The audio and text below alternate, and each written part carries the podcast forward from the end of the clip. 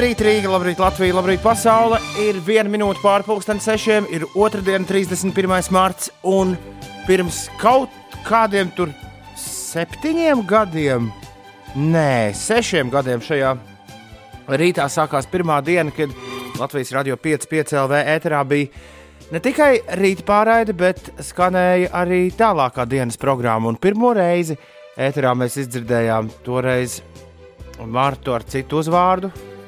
Jā, Marta Grigāla bija ēterā. Pirmo reizi mēs izdzirdējām Magnus Vēriņu, izdzirdējām toreiz Kaspar Mauriņu, kurš strādāja braucamajā laikā pēc pieciem pēcpusdienā. Kārmena bija gaisā, Aleksis ar Tomu bija gaisā. Un kuru es esmu aizmirsis, to iespējams man palīdzēs pateikt Uldis un Inês. Uldu un Inês, es jūs apsveicu minisvētkos. Paldies!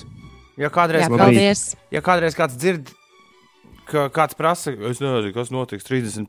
martā, tad eh, parasti viņš runā tieši par to, kas notika 31. martā 2014. gadā. Es neko neesmu sajaucis, Ulu. Seši gadi. Jā. Seši gadi kopš šī radiostacija eksistē kā, kā pilnvērtīga FM radiostacija. Ir jau tāds, es teiktu, zolīts vecumiņš priekš mēdī. Forši!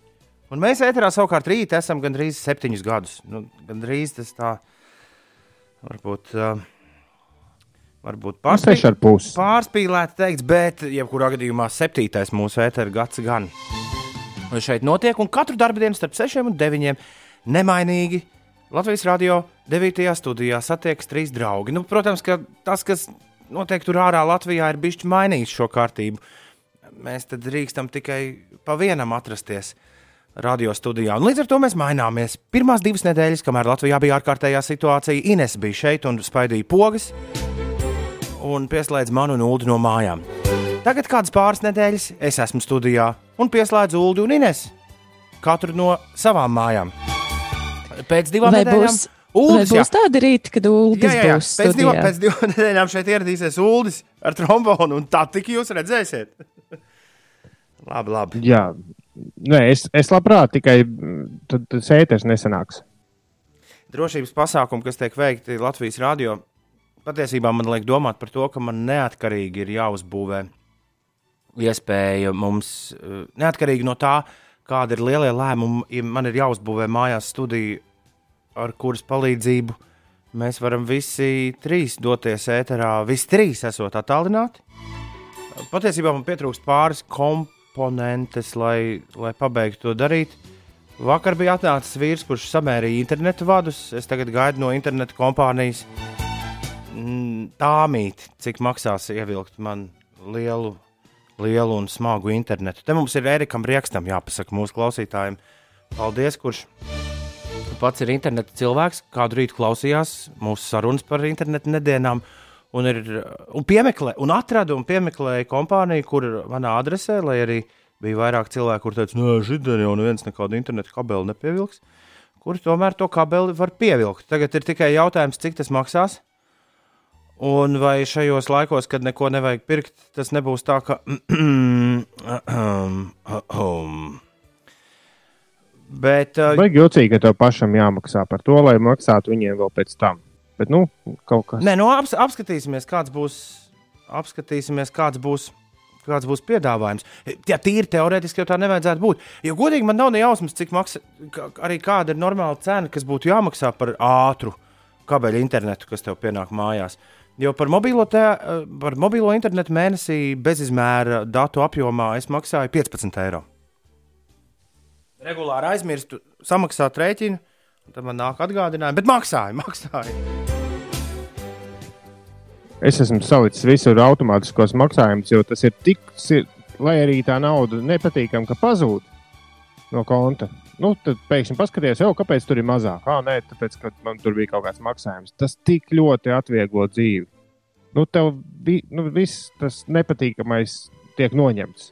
Tu vienkārši aizmirsti par to. Nu, Pazūd tā nauda, jā, bet tāpat jau maksās. Bet man šķiet, ka apmēram tā arī ir. Ka, tur ir visādas paketes ar tām televīzijām kopā un ko vēl ne, bet, bet kaut kur apmēram tā arī varētu maksāt. Nē, nē, televī, televīzija manā dzīvē man pietiek. līdz kaklam. Paldies, ja man kāds piedāvās televīziju, man būs jāsaka, paldies. Man jau ir. Viss notiek. Par Vai labi, ka jūs sākāt runāt par rēķiniem? Man liekas, ka es vienu neesmu samaksājis. Es, es regulāri kavēju, regulāri kavēju savus rēķinus. Un dažreiz, dažreiz tā nav. Nu, tā vienkārši ir cilvēcīga aizmāršība. Man patīk piesaisties vienkārši vienā dienā, un tāda diena vēl nav bijusi. Jā, kopš iestājās ārkārtējā situācija. Man patīk, patīk apsēsties, un tad visu, visu sakārtot un visu salikt. Un, un iespējams, ka šodien būs tā diena, iespējams, ka tikai rīt. Un Tev ir vajadzīga iedvesma, Jā, jā, apmaksātu Jā, rēķinus. jā, jā, jā, jā, jā, jā. Piemēram, kāds, sajūta, ka piemēram kāds zvans rēķini- no kāda cilvēka, tūlīt to varēs pateikt. Uh, piemēram, zvans no kāda cilvēka, kurš saka, hmm, Grēviņ, kungs, vai jūs nevēlētos izdarīt to un to un to par tādu un tādu samaksu? Tā uzreiz ir Inês iedvesma samaksāt rēķinu. Bet tā ir. Tā ir. Ulu, ko tu gribēji teikt? Es gribēju teikt, ka tā sajūta, kad ir samaksāta visi rēķini, ir ļoti laba. Jā, jā. Un, eh, bet, jā, jā. jā, bet, ja, bet ja vien es agrāk darīju tā, ka es katru mēnesi atliku, man tur ar algām un naudām sanāca tā, ka es mobilo telefonu vienkārši nevarēju samaksāt tajos datumos, ko viņi prasīja. Un es viņiem teicu, ka es varētu samaksāt šajos, vai man nevar pārlikt to maksājumu datumu. Viņi saka, nē, nē, tā nevar. Mums tas deadline ir tāds, kāds ir. Un es teicu, bet tad es jums katru mēnesi zvanīšu, jau kā likums zina, zvanīšu un prasīšu, vai lūdzu, var pagarināt līdz tam un tam datumam. Ne, nu labi, ok. Un tā es arī darīju. Gadiem ilgi es katru mēnesi zvanīju un teicu, ka man lūdzu atliec, jo citādi viņi atslēdz. Ja tu piezvani, tad viņi neatslēdz, ļauj līdz tam datumam atlikt. Vienīgi tad, kad jāsamaksā uzreiz, ir noteikti. Un tā es mēnešiem ilgi zvanīju, zvanīju, zvanīju katru mēnesi, un tad tur mainījās mazliet visādas algas lietas un, un datumi. Un es godu vārdu saku, es agrāk biju ļoti skeptisks par to, bet automātiskais maksājums ir atslēga uz laimi. Līdzīgi kā telefonam atslēgt bateriju procentu. Viss atkrīt tā nu, negribēšana maksāt. Paga, ko tu teici par telefona baterijas procentiem? Nē, nu kā, ir, ir dažas tās mazas atslēgas uz laimi dzīvē. Viena no tām ir atslēgas telefona, tele, lai to telefonā nerāda, cik tev baterijai procenti palikuši. Bieži vien vienkārši vajag telefonu atslēgt. Nu, Bet- Bet... nu, jā, nu, ja var tā, tad arī. Bet es nezināju, ka var noņemt tos cipariņus baterijai. Var, nost. var. Ko tik nevar tajā telefonā sataisīt? Tikai kuram ir laiks tur čakarēties tajos, izņemot ulu, protams, čakarēties tajos iestatījumos. Man gan liekas, Nu, ka jā. telefona baterijas cipariņi tās varētu drīzāk novest pie nu, ne gluži nelaimes, bet uh, nepatīkamām sajūtām, kad tu pēkšņi pamani, ka tev viņš ir izslēdzies brīdī, kad tev viņu visvairāk vajag. Jebkurā Nē, gadījumā, nē, tu to skaliņu jau redzi, to, to, to, to bateriju. Vienkārši tu neredzi, ka tev tur ir ah, 43, ah, jau 35, jā, jā, jā, jā. Mēs, esam, mēs esam stipri nogājuši no tā, ko es gribēju teikt. Es gribēju teikt, ka eh, man katru rītu jāizmēra temperatūra. Pagaidām ar temperatūru viss ir kārtībā. Bet kas notiks? Nu, tāda ir Latvijas radio noteikuma pirms es nāku uz, uh, uz radio.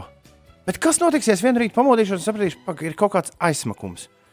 Ir pāris tās iedaļas grādu, teiksim, ne 366, bet ir vai 368, bet nu, tur parādās 3, 37, 1 ir pēkšņi rādās termometrā. Ko, ko mēs darām, ja, piemēram, tas notiek ceturtdien? Mums nav nekāda, mums nav nekāda nu, otra plāna. Un, uh, tāpēc man liekas, ka ir visai drīz jāiekārto. Jāiekārto mājas studija, lai tā būtu ir gatava rūkt, ja nu gadījumā kaut kas notiek. Taisnība, mums jābūt gataviem. Tad mums ir, ah, nu labi, nerunāsim, nestāstīsim metrā radio noslēpumus. Bet pēc maniem aprēķiniem mums ir jau kādi trīs plāni. Okay. Un tas ir labi. Jā, trešā. Tā, vien, vēl viena svarīga lieta ir tā, ka eh, kāds teica, man liekas, ka tas bija Uldis, Ines, labo man, ja kļūdos, tad, kad sākās ārkārtējā situācija, ka mēs beigu, beigās ļoti daudz ko no šī iegūsim. Mēs esam jau šobrīd ieguvuši salabotu Latvijas radio podkāstu mašinēriju. Tas nozīmē, ka visiem, visiem kā Grēviņa kundzei, piemēram, turpmāk būs iespēja ģimenes stu- stundu klausīties, piemēram, klausīties nepārtraukti un nepārautu podkāstos. Jo tā problēma, ar kuru es te pacīnījos, tiklīdz sākās ārkārtējā situācija un uzspēra bišķi zibeņus gaisā, ir atrisināta. Vakar tam pierādījums bija uh, mūsu, mūsu podkāsts. Tev ir visur, kur, kur ir podkāsts, jāieraksta pieci rīti. Pieci ar burtiem. Mūsu podkāsts ar pirmo rāvienu, visas 80 cik tur tās minūtes ar uh, visu mūsu runāšanu bez dziesmām. No vakardienas raidījuma nonāca internetā, un ļaudis pie tā varēja tikt. Un Uldis saņēma pirmās atsauksmes. Kā man māsa Wow. rakstīja, tas ir tieši tas, kas viņai vajadzīgs. Varētu pat nocitēt. Tā tad.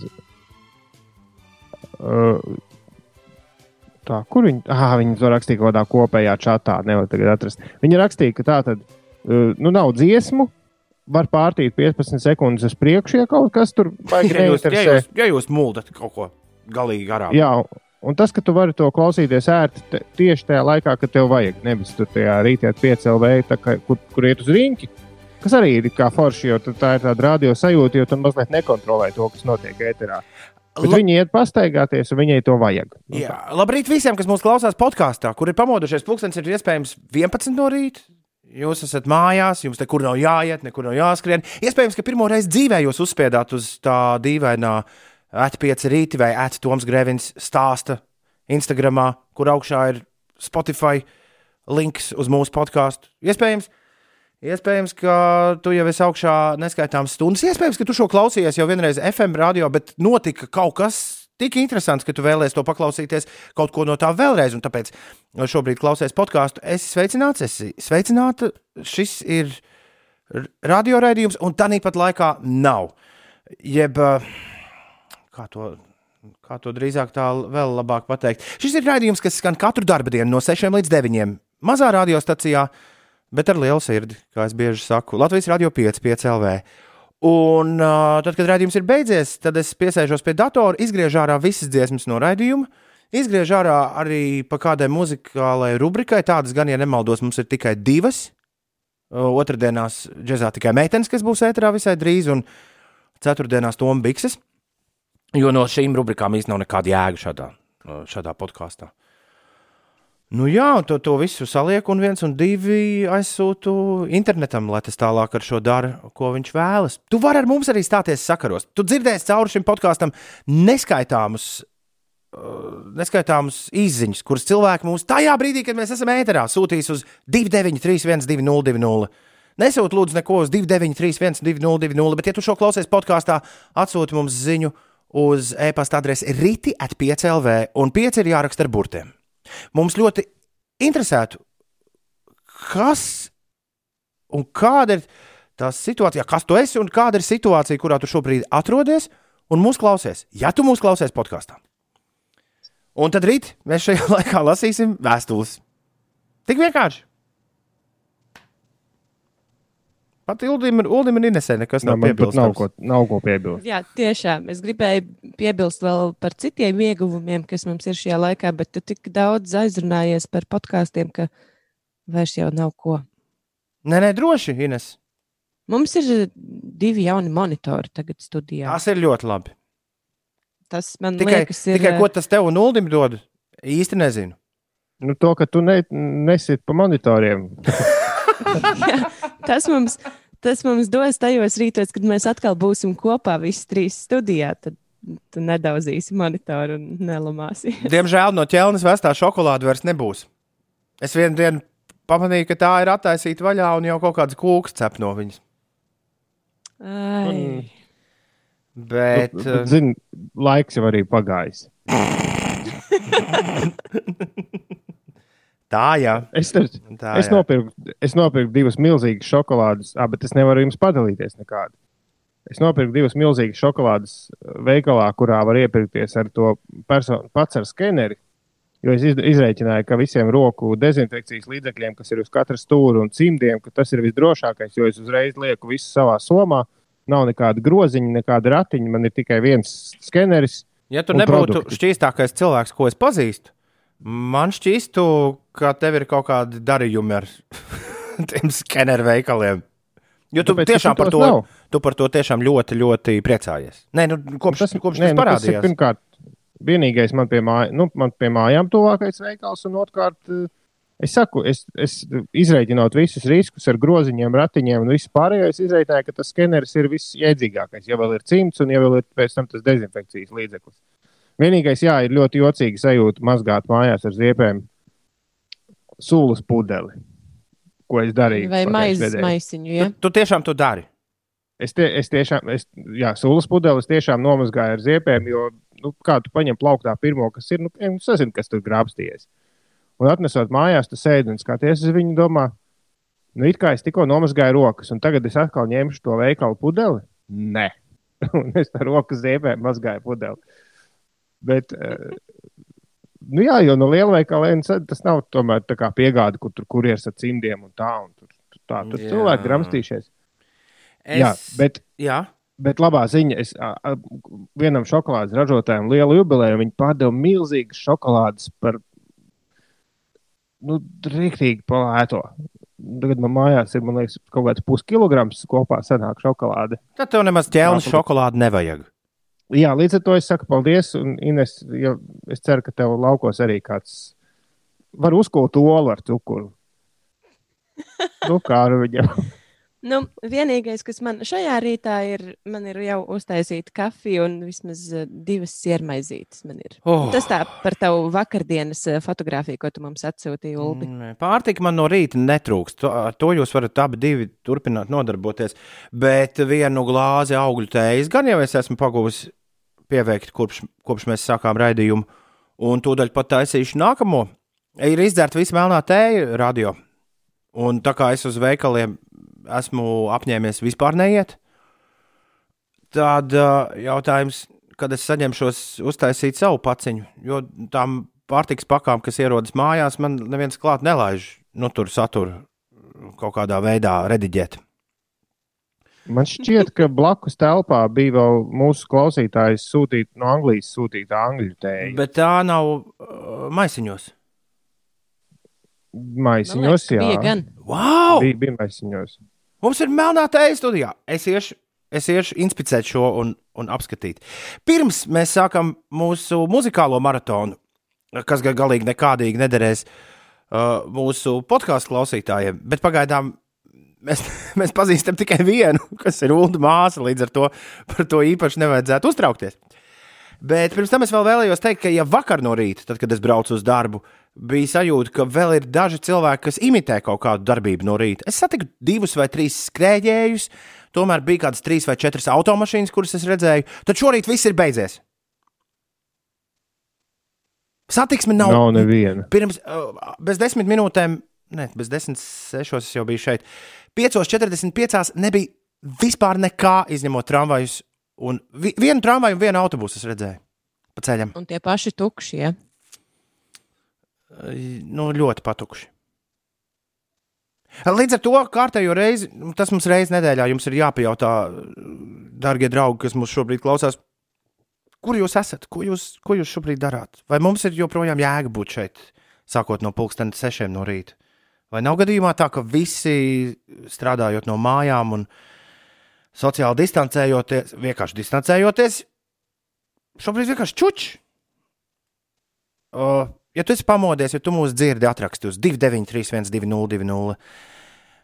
Es zinu, ka, ja tu strādā kādā slimnīcā vai medicīnas iestādē, tev nav laika ņemt rokā telefonu un, un rakstīt īsi. Arī nedrīkst, droši vien. Un droši vien, nedrīkst, bet, bet ļoti iespējams, ka atkal uh, šī raidījuma klausīšanās un, un kaut kāda maza komunikācija ar šo raidījumu tevi uz mirkli atrauj no, no visām tām trakajām domām, kuras plosās uh, plosās pa galvu uh, cauri un cauri. Sveiciens visiem, kas beidz naktsmaiņas. Kā jums ir, draugi? Vai jūs tur esat? 293, 202, mēs vēlamies, mēs vēlamies saskaitīties. Saskaitāmies mēs vispirms. Es saku, 1, 2, Ulu saka, 3, 4, un Dienas 5, 6. 1, 2, 3, 4, 5, 6. Brīnišķīgi! Kristiāns no Bauskas puses ir kopā ar mums. Mārtiņš, Indra, Juris, Pūce, pats Sančīgs, Kristīna, Denis, Dāvis, Elvā, Mārēns, Pīrāgjānis, Dita, Tomo, Artūrs, Uldis, Ome, Vineta, Juris, Jānis, Normis, Gunča, Renārs, Maija, Nauris, Lopjānka, Linda, Erģīvēta, Secīts, Dainis, Uldis, Čēla, viņi visi ir pie radioaparātiem. Uldu un Ines, vai tas nav fantastiski? Tas ir forši, jā, ka cilvēki ir tādā agrumā augšā arī šajos laikos. Aiziet ceļš vēl augšā! Otradienas rīts. Man kaimiņi ar laikam pamodās no šādas mūzikas, raksta Pīrāga Jānis. Labrīt, Pīrāga Jānis! Valde ir kopā ar mums kopš mūsu pirmās darba dienas. Valde, paldies tev! Prieks jūs dzirdēt, kā parasti raksta Olīte. Vēl šī nedēļa jānostrādā tad plānotais atvaļinājums, kurš nemaz neizskatīsies kā plānots. Jums novēlu nepadoties un turpināt raidījumu. Olīte, mēs nepadosimies. Kāds mūsu klausītājs raksta, ka, kurš nekad nav parakstījies, bet bieži mums rakstījis, viņš, viņš raksta, ka, godīgi sakot, bija skeptisks par jūsu raidīšanu no mājām, bet jāatzīstas, jums tas labi padodas. Lai veselīgs rīts! Nu, ja viens ir tepat uz stud studijā un taisa, taisa zibeņus ar slipnotiem, tad man liekas, ir dikti fēnī. Viss. Ines, es tev raustos tur, vai tu raust? Tu mums nerausties. Es ceru, ka es jums skanu labi, jo es pati sevi nedzirdu, un ik pa laiciņam kaut kas noraustās uh, mūzikā, ko es klausos. Nē, viss ir brīnišķīgi. Ulu, tu taču dzirdi, Ines, fantastiski. Jā, jā, viss kārtībā. Forši. Ir 6 un 29. Jā, bet tiešām ceturdaļa gada. Nu, šoreiz aizskrēja patiešām tā. Un nav. Today very lucky! Congratulations me! Yay! Šodien ir 31. marts, ir otrdiena. Diena, kad pavasaris beidzot tai ziemai parādīs, kur vēži ziemo. Šodien gaidāms mākoņdienas laiks, vietām debesis skaidrosies un dienā uzspīdēs saule. Centrālajos rajonos vēl gaidāms sniegs, slapjš sniegs, bet uh, vispār dienā tas vēl no rīta, bet dienā vispār tā kā bez nokrišņiem. Uh, Pūtīs rietumu, dienvidu rietumu vējš, piekrastē brāzmās līdz 15-18 metriem sekundē. Gaisa temperatūra šodien būs plus 2, plus 6 grādi.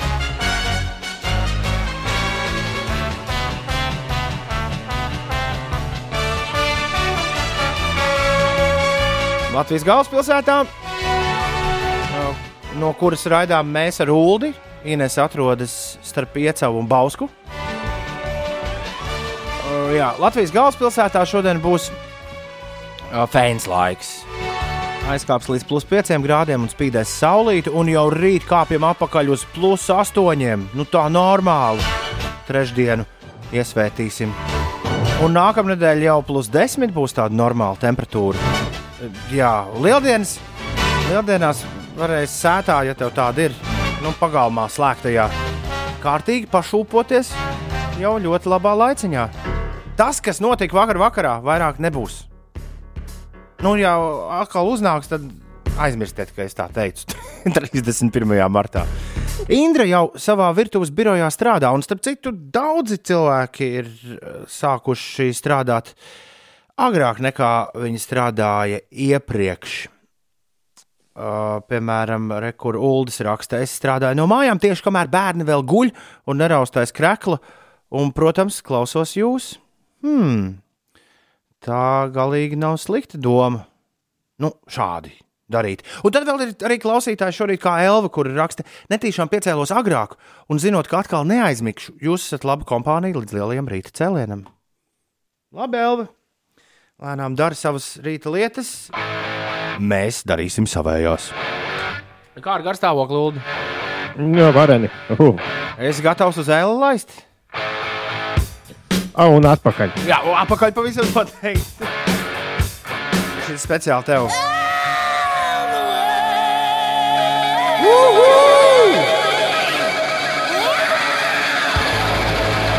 ACDC Highway to Hell 6 un 38.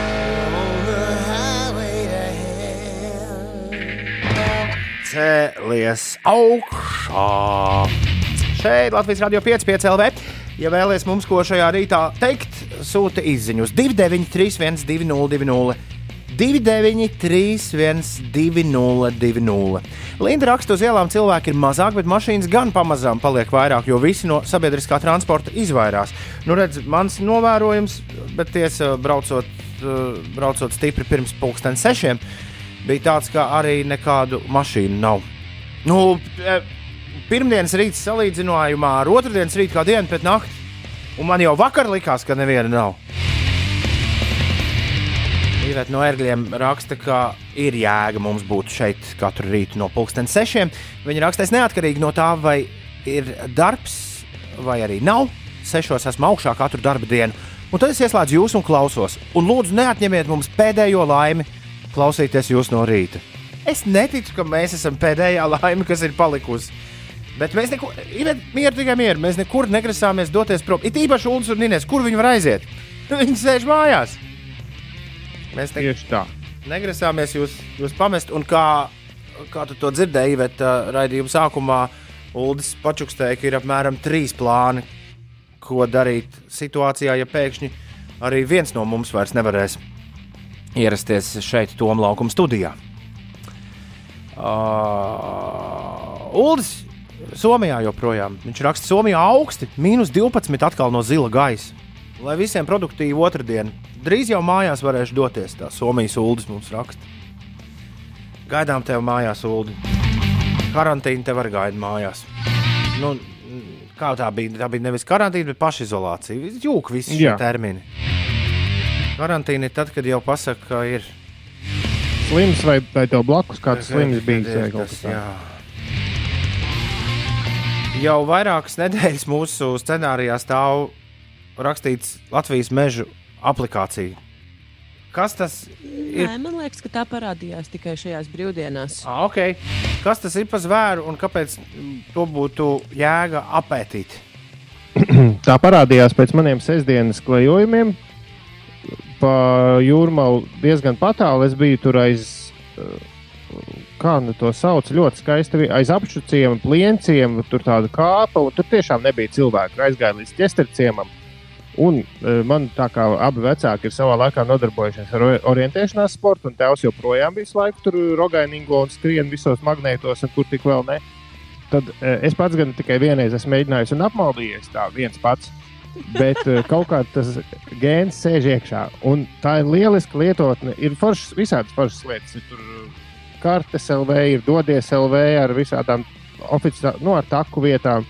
Bet šī ir tāda, nu, ja tu esi bijis geeks un gribi to, ko nezinu citi zināt, tad šī ir īstā lieta. Latvijas valsts meža, ja to sauc LVM, Geo. Es nezinu, ko, vai mēs tagad reklamējam vai nereklamējam, jo Latvijas valsts meža ir valsts iestāde, nav ne jausmas. Tā ir karte, bet tā ir nu, tāda karte, kurā tu vari apskatīties. Sākot no visiem kadastra informācijām, tu vari apskatīties vegetācijas biezību. Tātad, cik bieži ir mežs, kurā tu taisies līdz iekšā. Tu vari apskatīties, cik bie, kāds ir vegetācijas vainagu stāvoklis tajā mežā. Tu vari apskatīties, uh, kur, ir, kur ir uz augšu iet mežs, kur uz leju tātad augstuma līknes. Nu, nu rīktīgs karte ar tādiem nežonīgi daudz visādiem slāņiem, ko tu vari salikt atpūtas vietas, tur ir apskates objekti, dabas takas. Vienmēr sakot, karte iz... ja tu meklē nu, kādu vietu, kur nebūs daudz cilvēku, šī ir īstā aplikācija, kur lietot, vai ne? Šī ir īstā, jo tur tiešām ir visi celiņi, un tur to var paskatīties, vai tas celiņš neiet caur privātu mežu, vai, vai tas ir valsts mežs, un, un vai tur nav māja, vai tur nav, man liekas, pat, pat skudru pūžņus. Labi, skudru pūžņu tur nav. Bet e, ļoti iesaku, ja tu vēlēsies kaut nedaudz novirzīties no tām ierastajām, tur, nu, tur purva taka un saukrastu taka, un vairāk jau neko nezinu, jomas jau. Tad šī ir īstā lieta, ko vajag. Pēc tam šajā lietotnē ir atzīmētas arī tās eh, vietas, tie skatu torņi, kas eh, ir Latvijas valsts mežu pārziņā un kur ir slēgti kopš šīm brīvdienām. Tas ir LVM geokartes darbam un atp. Jā, Tas, jā. tas ir jāspiež instalēt. Tad tā ir pirmā aplikācija. Vismaz Android veikalā tā ir pirmā aplikācija, kas uzreiz parādās. Un tad cilvēki ir ņēmušies pa viņu jau. 3, Forši. 2, 1, un tā ir manā telefonā, un es to varu vaļā. Un tagad tik sākšu pētīt, uz kuru mežu lai ar riteni aizbrauc. Ir 6,43. Uzinstalējiet arī jūs, ja daba sauc. Kādā brīdī 6,43. Ines, kas notiek? Ah! Ines, Ines piedod, sāc vēlreiz. Sāc vēlreiz.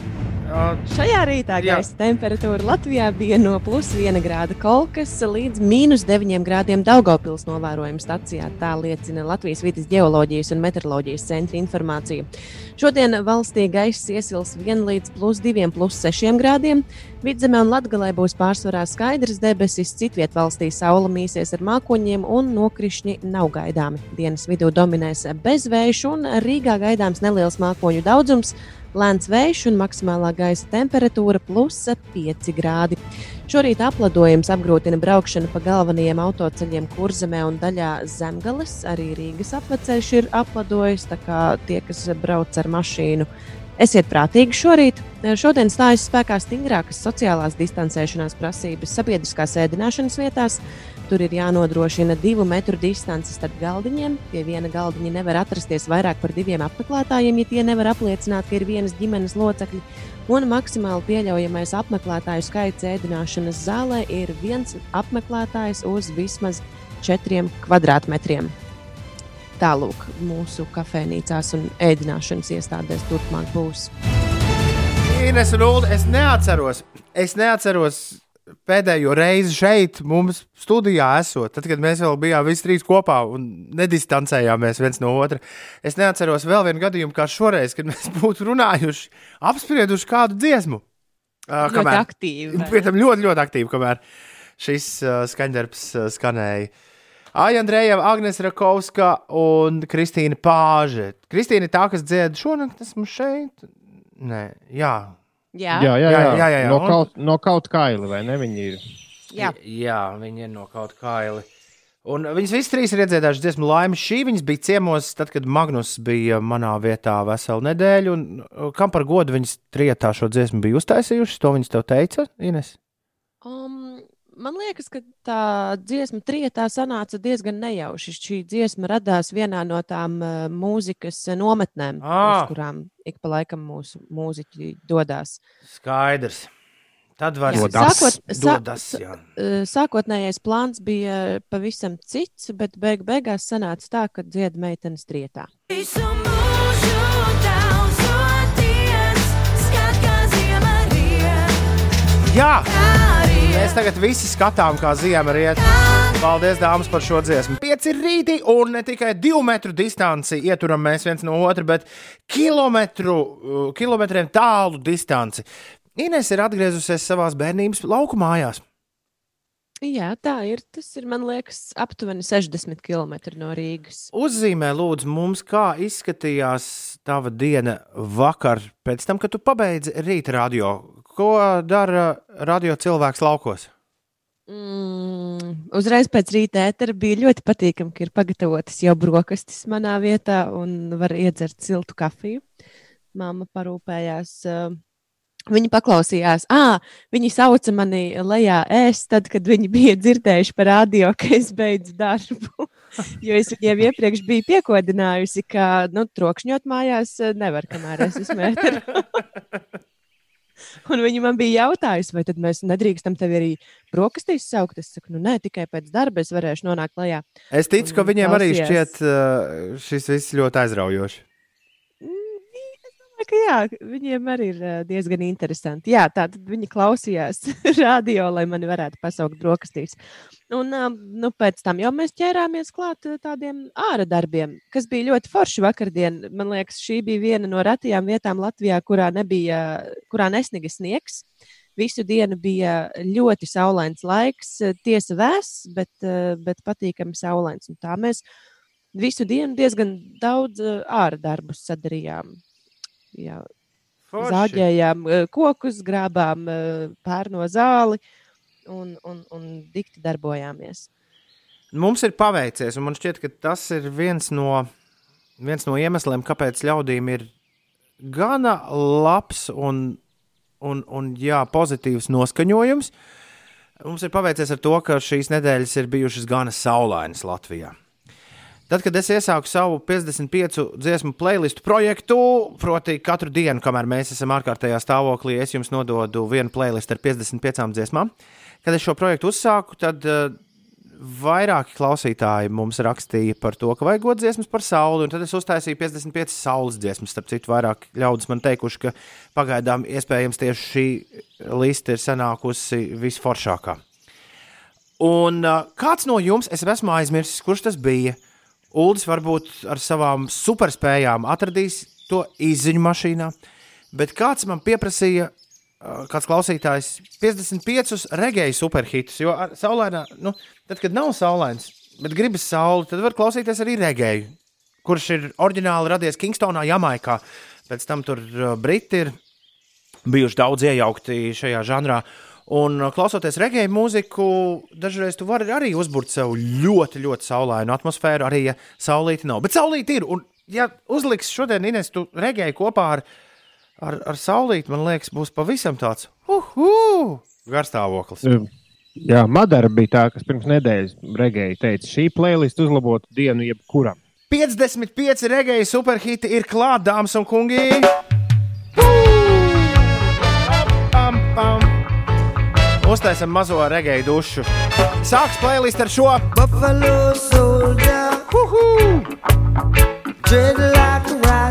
Ulu mini, kas ir numur divi. Es neuzdrošināšu. Lucifer, son of the morning. I'm gonna chase you out of here. Pam, pam, pam. Varētu būt, ka mans un tavs jaunības ulu vispopulārākais regēju samples ir nācis no šīs dziesmas. Trīs, četri. I'm gonna put on an iron shirt and chase Satan out of earth. I'm gonna put on an iron shirt and chase the devil Un out tagad viss kopā, ja? I'm gonna send him to outer space find another race. Arī I wanna be a hippie. Nu, atceries, tur dun, dun, dun, dun, I wanna Jā, be a jā, hippie. bija tāda. Arī, arī tur ir samplēts regējs.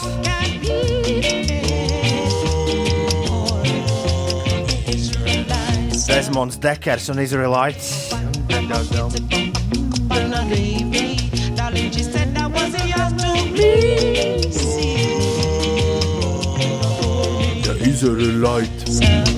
to. Ok, ir arī Džimijs Klifs un Reggae Nights. Valdim un Ritai sveiciens. Man liekas, ka viņš šito uzliek ik pa laikam. Reggae night. And we'll be jamming till the morning light. Tad, protams, uh, esam tikuši līdz piektajai dziesmai playlistē. Tad, protams, ir arī UB40.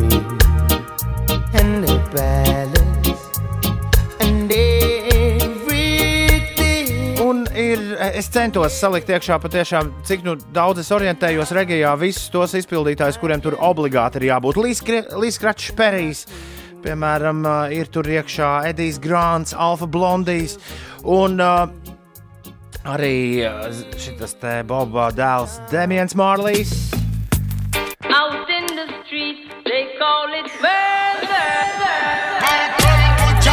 Bet visvairāk es sapriecājos, Ulriņš, es atradu visādus regējus, kas bija mums bērnībā kasetēs, tur, kur bija atbalsts virsū rakstīts. Pie, Nu, nu. piemēram, Asvad. As, asvad, asvad arī ir. Asvad arī ir. Bet šī to atceries? Jā, Oh, no, no, no. You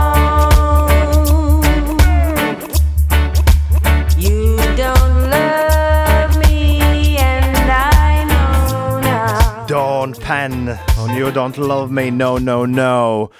Rekur ir tas, ko tu gribēji, asvod un shine. Oh,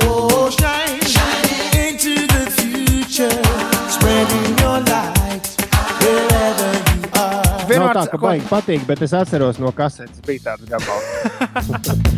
vienmēr sakot, šodien, tiklīdz mēs būsim beiguši raidījumu pēc pulksten 9.55 regēju superhiti dosies pie jums. E-punkts uz Sleepsvītra 55 dziesmas. Jāraksta ar cipariem 5-5 dziesmas. E-punkts uz Sleepsvītra 5-5 dziesmas. Tur ir visas listas, kuras es līdz šim esmu sataisījis.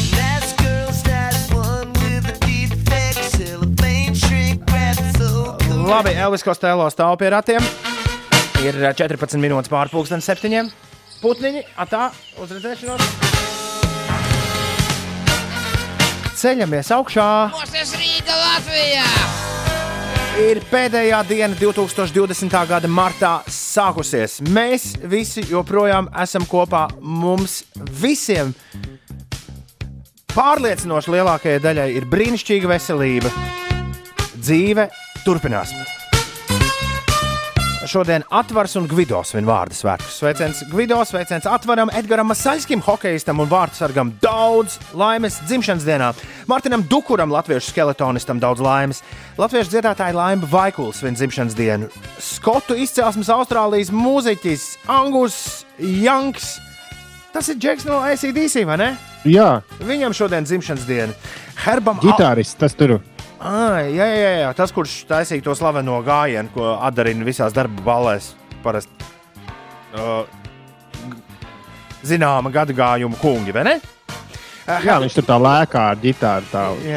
Visās darba balvās. Nu, visās, jā, vis, nu, kolektīvi, tad, kad kolektīvi sanāk kopā, un tad, kad viņi tur pasauc grēviņu vai kādu citu, viņš uzliek ACDC, tad viņi visi atdarina tieši Angus Jangu šīs dienas jubilāru. Herbam Alpertam, leģendāram amerikāņu dziesminiekam, trompetistam un producentam šodien dzimšanas diena.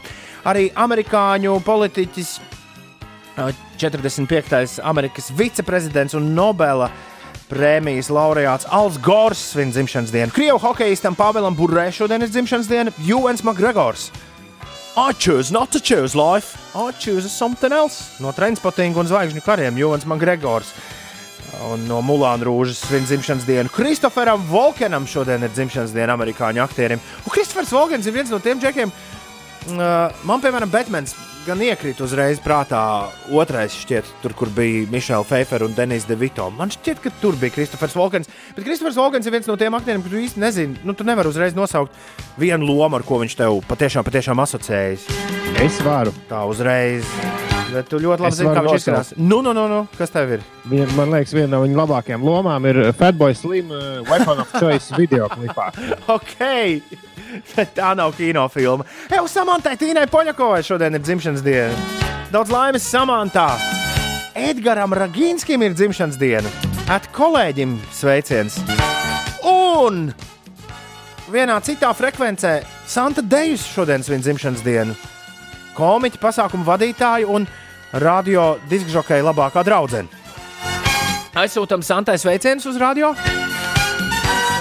Ulu, tu zini, kāds ir numurs Santai? Sandai. Sandai. Es atvainojos. Pagaidiet, nu, tu uz ēteru vai ne? Nu, jā, nu, uz ēteru. Tā, tagad uh, ņemam visu telefonu, un telefona numurs ir 2202 7000. Ok. Uh, Bet vi- 220.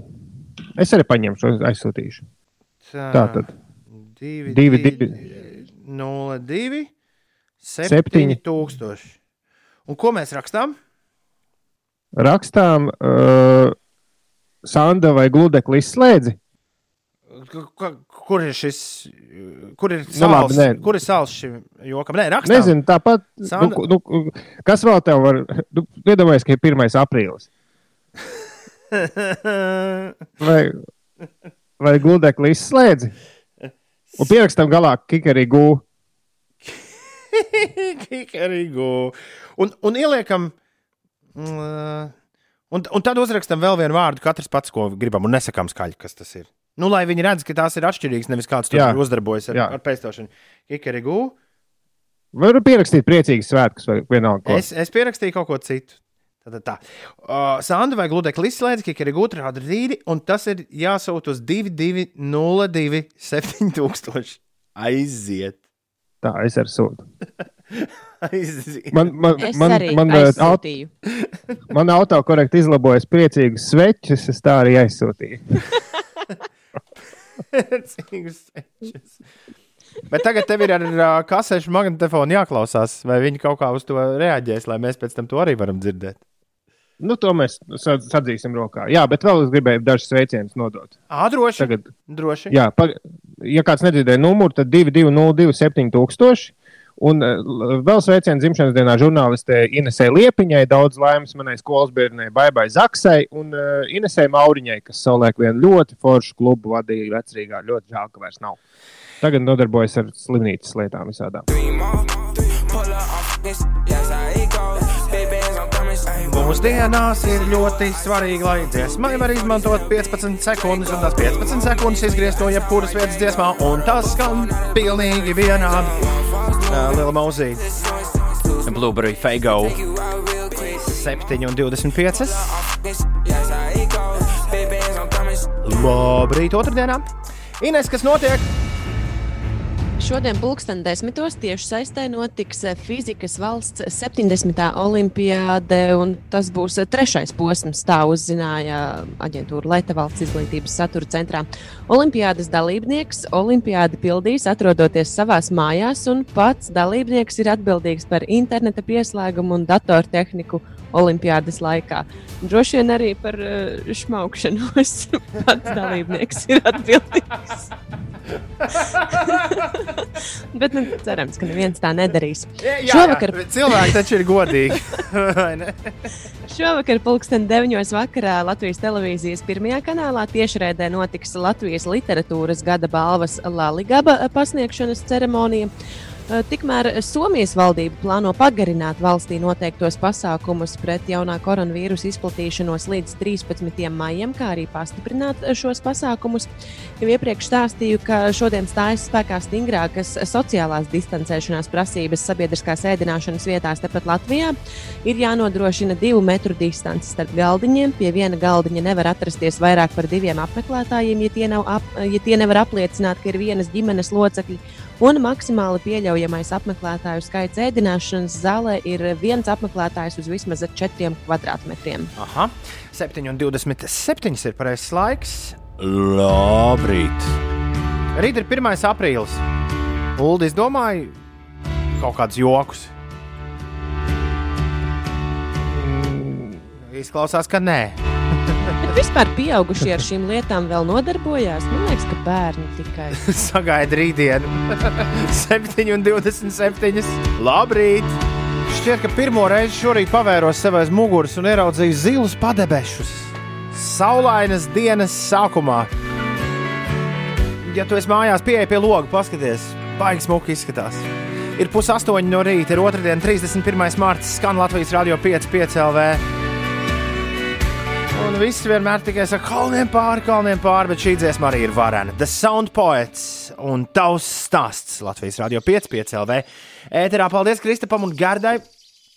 Un uh, atvainojiet par to, ka kāds ir iztērējis pāris centus par izziņu garām, bet uh, pirms minūtēm 20 mēs vēlējāmies apsveikt ētera kolēģi cito, citās frekvencēs Santu Dejus dzimšanas dienā. Sandu. Sandu deju, man viņa vienmēr ir Santa.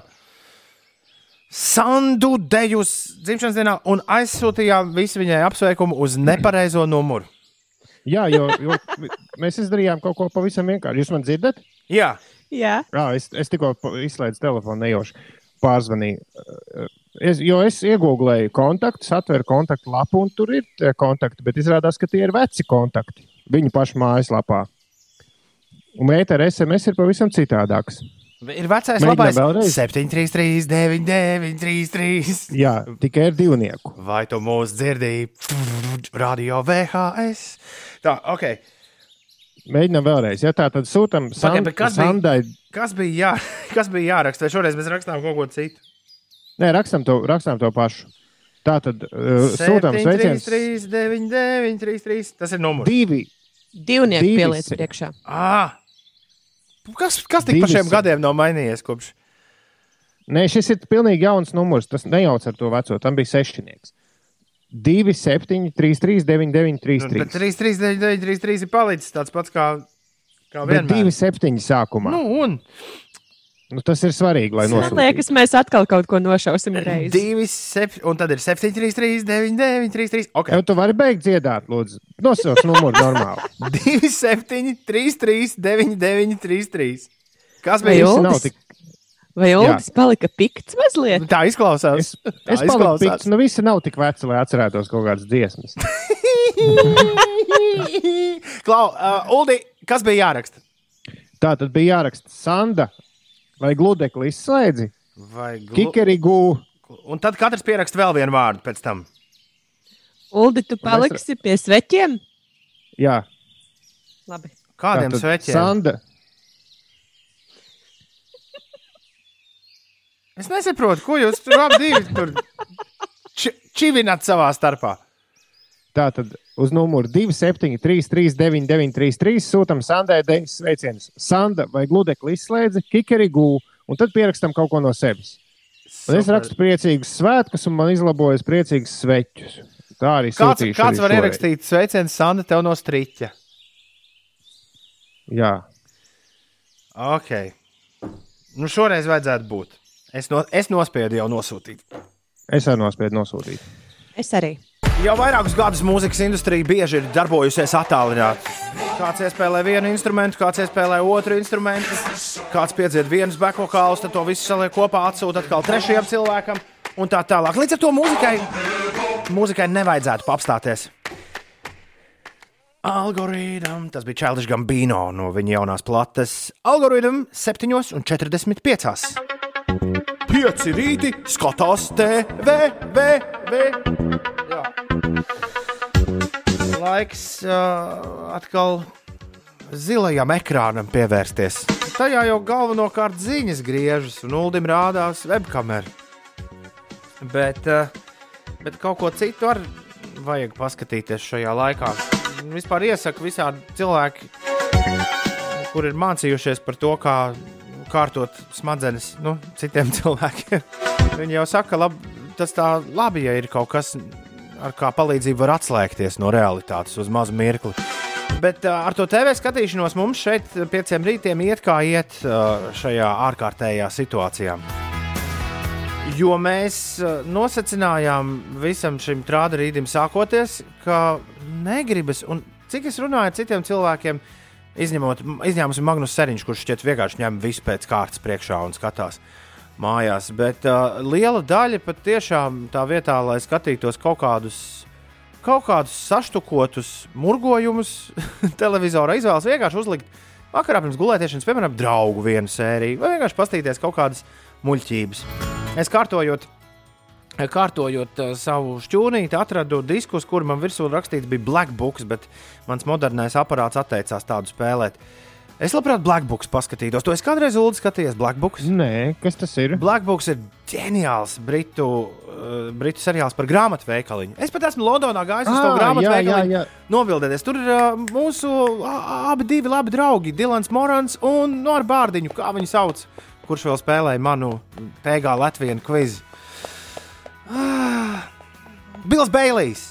Dilans Morans Jā. un Bils Bailijs spēlēja Black Books abi divi kopā. Ah, tas ir varants seriāls. Kaut, kaut ko tādu, nu, kaut ko gluži muļķīgu gribas, gribas uzlikt, pasmieties. Un, un tad man liekas, ka var arī uzlikt kaut ko dikti izglītojošu. Un te nu mēs nonākam pie šī rīta skatās TV sālim, pie sāls nonākam. Jā, pagājušās nedēļas nogalē, ap 4. un 5. parādījās vairāk cilvēku, sāka dalīties ar, ar, ar, ar kādu ziņu, kur Facebookā man šķiet bija ierakstījis Monroe Jazz Festivāls. Uh, jā, es, pirmais, ko es redzēju, Ulas man patiesībā to parādīja, bija Ralfs Eilants, kurš bija šo kā visiem ieteicis. Un Monroe Jazz Festivāls paziņoja, ka viņi uh, par godu nu, tam, ka mēs esam tādā situācijā, kādā esam, visiem dod iespēju noskatīties 50 koncertus no savu festivāla vēstures. Monroe Jazz Festivāls patiesībā ir tāds kā para, parasts festivāls mu, līdz mūsdienām. Tas ir uh, palicis par tādu parastu festivālu, līdzīgi kā Roskilde vai, vai, vai Glastonbury ar vienu, bet visas grupas spēlē. Uh, Kaut kādās divās, trīs koncertu zālēs, un pa vakariem līdz ar to viņi mēnešu garumā izvelk vienkārši lielu, lielu, garu koncertu sēriju. Un parasti vakarā spēlē divi mūziķi vai pat, mm, vai pat viens, un tur ir visas mūsu mīļākās grupas kādreiz bijušas.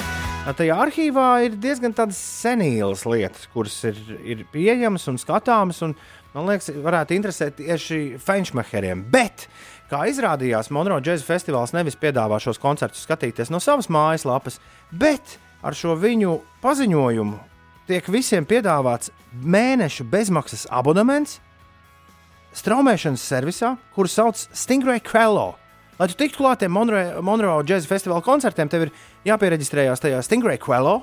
Un Stingray Quello ir principā Amazon Prime vai Netflix, kurš ir pilns tikai un vienīgi ar dzīvajiem koncertiem un mūzikas dokumentālajām filmām. Aha. Un uh, es to saprotot, uh, teikšu jums atklāti, apgāzos vēkšpēdus. Viens un divi manā televizora ekrānā bija Nirvanas 92. gada Redingas festivāla koncerts, kurus nekad neesmu redzējis, nebiju redzējis iepriekš, un kas ir viens no vissvarīgākajiem roka mūzikas koncertiem uh, 90. gados pavisam noteikti. Koncerts, kas pa īstam tādu festivālu kultūru uzsita gaisā. Uh, jā, jā, viņš kaut kur vienmēr bija DVD un Blu-rayos pieejams, bet es nekad, nu, kā DVD un Blu-ray, nu, nevien, kā tu līdz Nirvanai tā tiksi. Bet tad es atradu pašu foršāko priekš sevis, un tas arī ir šīs dienas galvenais seriāls mūsu uh, televīzijas rubrikā. Tur ir vecais labais, ko arī Latvijas televīzijas septītais kanāls ir demonstrējis. Klasika albums seriāls, kas ir ļoti, ļoti forša, ļoti foršs pasākums. Un viņš stāsta katru reizi, viena epizode ir par vienu leģendāru skaņu plati, un nevis tā stāsta tādu stāstu, ko tas mūziķis ar to albumu ir domājis, bet principā stāsta tieši par albumu ierakstu un par to, kas tur vēl ir saklausāms, ko mēs kā parastie klausītāji bieži vien nesaklausām. Un tāda klasika šajos klasiskā albuma seriālos ir tas, ka sēž producents, vai vakar es skatījos, piemēram, pirms gulētiešanas Paula Simona Graceland uh, brīnišķīgu stāstu par to, kā šis ir tapis. Pirms tam es noskatījos kopā ar to Redingas koncertu arī uh, klasisko albumu sēriju par Nirvana's Nevermind, kur Kris uh, Novoseliks un Deivs Grols un producents Butch Wiks izstāsta uh, ļoti skrupulozi, kā viņi radīja Nevermind. Uh, tad, nu, lūk, piemēram, Paula Simona uh, sērijā pats Pauls Simons sēž pie lielās ierakstu pults. Viņš spēlē dziesmas priekšā no šī albuma un rāda, viņam ir iespēja uz tās pults atslēgt visus pārējos instrumentus un, piemēram, spēlēt. Viņš saka, re, kur rekādu mēs iespējam šī to ģitāriņu, un tad man vajadzēja, mm. lai kāds klusi iedzied backvokāls. Tagad tie backvokāli tādi, viņš atkal pagriež viņus skaļāk.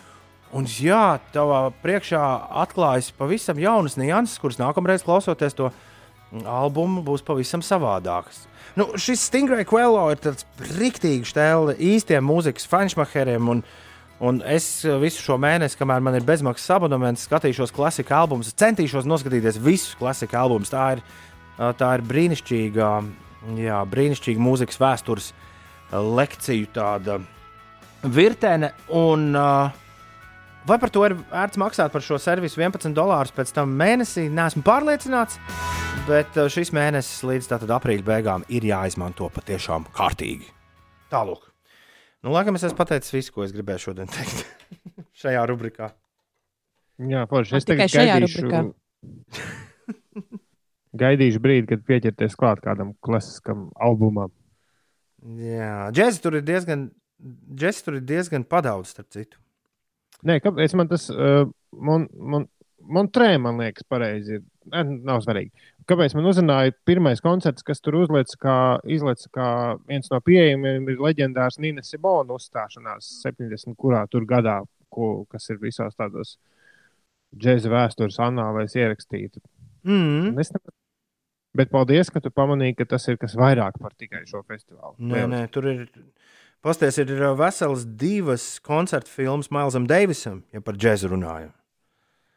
Kā, tur ļoti ērti. Tu ieraksti vienkārši grupu un, un, vai, vai mūziķu un ieraugi, ko tu vēlēsies. Un ir arī iespēja, piemēram, paskatīties, kas ir, uh, kas ir pieejams pa, pa dekādēm. Piemēram, kas ir, kas ir viss no 60. līdz 70. gadam, ja tu negribi nekādas tur jaunas muļķības. Vai tieši otrādi, ja tu gribi jaunās muļķības nospēt 2010, 2020, un tad to visu apskaties. Tā kā, jā, draugi, izmantosim to, ko mums sniedz šis laiks, un bezmaksas abonements uz mēnesi šādā stingrā kvēlā, man liekas, priekš katra mūzikas cienītāja ir laba lieta. Stībeļa koncerts gan tur nav, bet to noteikti var atkal kādā citā straumēšanas servisā vai YouTube atrast. Wow! Es aizmirsu pieminēt, iepriekš stāstot par Stingray Hello uh, jā, straumēšanas servisu, ka tur ir iekšā arī Martins Korsēzes 5,5 stundīgā Boba Dilana No Direction Home. Uh, jā, dokumentālā filma un arī Rona Hovarda gabals par Beatliem, kuru Ulu tu noteikti arī neesi redzējis. Nē, nē, esmu. Un es tikko atradu tur uh, klasika albumu seriālā. Šķiet, uh, man šķiet, ka viens gabaliņš no tā ir YouTube pieejams. A Night at, A Night at the Opera Queen, Queen, jā, jā. albumu analīzi. Mm. Nu, Labais! Ines, tu neesi aizmigusi tur? Kamēr mēs te Es par klasiskiem koncertiem nē. runājam un Es domāju albumiem. vispār par šīm iespējām kaut ko skatīties un klausīties. Nu, tiešām ir tik milzīgs piedāvājums lietām, ko mēs nu, citos apstākļos nemaz nebūtu varējuši redzēt uh, savos datoros. Bet šodien laikā es neesmu vispār atvērusi datoru, lai kaut ko paskatītos. Un es nevaru saprast, vai tas ir labi vai tas ir slikti. Mm, bet tu taču nodarbojies ar fiziskiem darbiem. Man liekas, ka tas īsti, nu, ja, sli, ja, ja skatās, tas linko, bet ja, ja nevis slinkojot un pūstot, tad arī neko neskatās. Nu, kaut kā tā, es nezinu, vai ir loģika tajā, ko es saku, bet uh, Nu, varbūt arī, jo es vakarā labāk izvēlos uh, jā, pastaigāt kaut kur uh, ārā un, un kaut ko padarīt, nevis pasēdēt pie datora. bet kā tev ar to lasīšanu iet? Nu, Ar lasīšanu arī iet eh, kā pa celmiem mazliet. Es esmu paņēmusi grāmatu kaudzīti līdzi uz eh, laukiem, bet eh, tā arī nav izdevies atvērt grāmatu kādu. Pārāk daudz, es ceru, ka tev vecāki ir pamodušies un dzird šo. Jūs pārāk daudz to meitu nodarbiniet, draugi, mīļie. Nu, lai tā pasēž kādu grāmatu, palasa, kādu seriālu sēriju noskatās. Tik grābeklis rokā un aidā. Gal galā Ineses galvenais darbs ir tas, ko viņa dara tajā savā istabā agri no rīta. Nevis tas, kas pēc tam tur notiek. Ir 7,59 skan Latvijas radio 5,5 LV. Šis ir raidījums 5 rīti. Mēs esam dzīvajā gaisā. Katru dienu starp 6 un 9 Latvijas radio 5,5 LV. ēterā. Mēs esam dzirdami atkārtojumā rīti 5 LV visu diennakti un arī podkāsts. Ar labāko no šī raidījuma ir pieejams tur, kur ir pieejami podkāsti. Ja tev ir kas mums sakāms, atraksti 293, 202, 200. Es esmu ticis galā ar melno tēju, kuras pēc pusdienas sešiem jā, biju sabēdājies, ka tā ir beigusies. Es atradu mūsu klausītājs no Anglijas atsūtīto melno tēju, bet ar šo tēju ir viena problēma. Ines un Uldi. tā ir beigusies. Tāda. Tā ir milzīga. Tas ir tā kā, viņš ir, tas tējas maisiņš ir tā kā astoņi tējas maisiņi maziņie kopā. Kā rezultātā Vai- es, protams, uztaisīju jau pamatīgi čefīru savā baltajā krūzītē. Vai gadījumā to maiziņu, maisiņu nevar saplēst vairākās daļās? Es esmu uztaisījis, vienmēr sakot, šeit instalāciju. Man ir vienā krūzē tējas ekstrakts, no kuras gatavoju sev mazās tējas. Ā, Tā kā stiprumu uzlējums. Jā, tas jā, jā, tā jā. kā Normāli. Jā, jā. Forši. Mm, mm. Mm. Man arī šorīt radās Ļoti- tieši tāds pats jautājums. Ļoti aromātiski tēja. Kāds jautājums?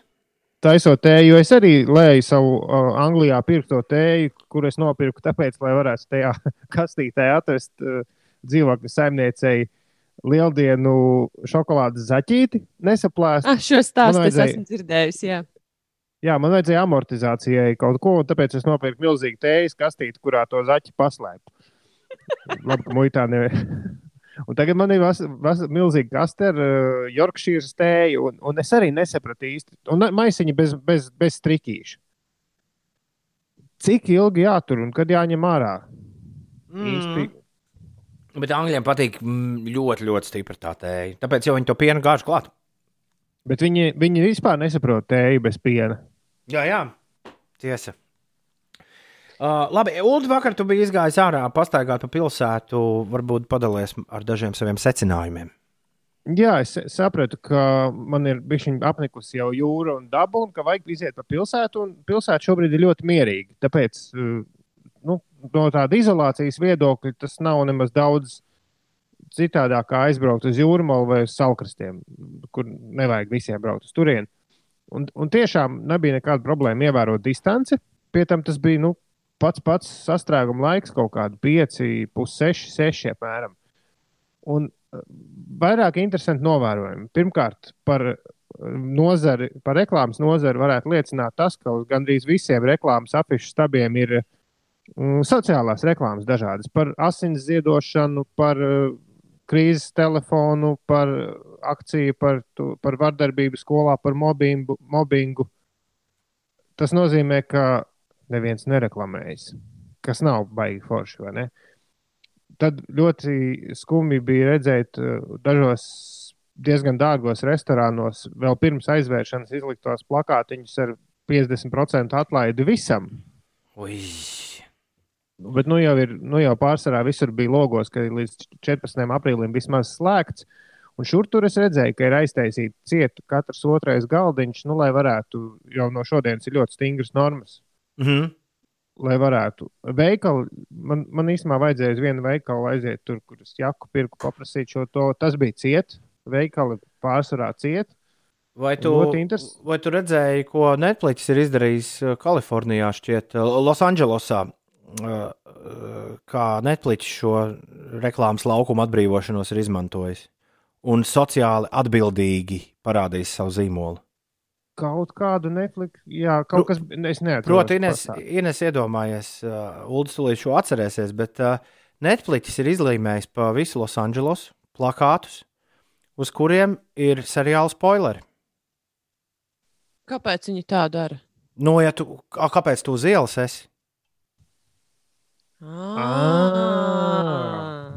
Gudrinieki. Jā, visiem ir, ir tādi tiešām brīnišķīgi plakāti ar, ar sezonas noslēgumu. Nu, viss tā kā. Tas žēl, ka tas nomirst. Punkts. Paliec mājās, Netflix. Lieliski. Jā, bet, bet, bet visam šim stāstam ir viens uh, ļoti labs beigas. Jo nav jau, nu, tie veikali, man šķiet, daudz labāk jūtas tie, kas ir aizslēgušies uz laiku un tad domā, ko un kā tur darīt, nekā tās pāris ļoti bēdīgās pārdevējas uh, kaut kādos kosmētikas salonos, ko es redzēju, kur sēž un nu, spriež, jo, jo klientu tiešām nav. Bet tad, ejot pa baronu ielu uz augšu, man garām skrien kāds kungs un apstājas un skatās uz mani. Es pēkšņi atpazīstu viņš tādā cepurītē, pēc sejas neatpazinu. Tad atpazīst viens mans kolēģis no seniem laikiem orķestrī kopā spēlējām. Tas ir tas, par ko mēs stāstījām, kurš reiz noslēpoja kaut kādas 150 km kaut kur Arktikā, ziemeļos. Nu, tāds pilnīgi dūls sportists. Okay. Viņš skrien, viņš skrien visādus ultramaratonus un slēpo tur, neatceros, 72 stundu slēpojums vai kaut ko tādu, nu, vai 150 pat. Nu, pilnīgi kuku sportiem nodarbojas. Un viņš skrien pa baronu ielu. Es prasu, nu, kā ko dari, kā iet. Protams, nesasveicināmies, ieturam divu metru distanci, kas ir ļoti dīvaini joprojām. Viņš saka, zini, sajūta ir tieši tāda kā 1. janvārī Rīgas centrā. Sniegs sniedziņš, vakar sniega ļoti jauki, un cilvēki ir tieši tikpat daudz, cik 1. janvārī. Viņš saka, 1. janvārī es biju iznācis izskriet, paskatījos pa logu, sapratu, jādara tas pats. Ir lielisks laiks skriešanai pa Rīgas centru, jo nav cilvēku. Vareni. Un, un es pieļauju, ka turpmākajās nedēļās būs vēl mazāk. Protams, nevajag visiem barā tagad skriet un tēlot maratonu. Tam būs maratons kaut kāds. Es Pilsēta arī diezgan izbaudīju to pilsētas tukšumu, braucot uz darbu ar velosipēdu. Tīpaši pēcpusdienās, kad ierastais Rīgas centrs parasti ir bijis pilns ar turistiem, visādiem, kas fotografē tur melno kaķi un visu kaut ko, un viņiem ir jālavās cauri tam cilvēku pūlim. Tad tagad tā forši pagāja, pagāja laiks, līdz es sapratu, ko tur melno kaķi domā. Kaķu māja. Nu, jā, jā, skaidrs.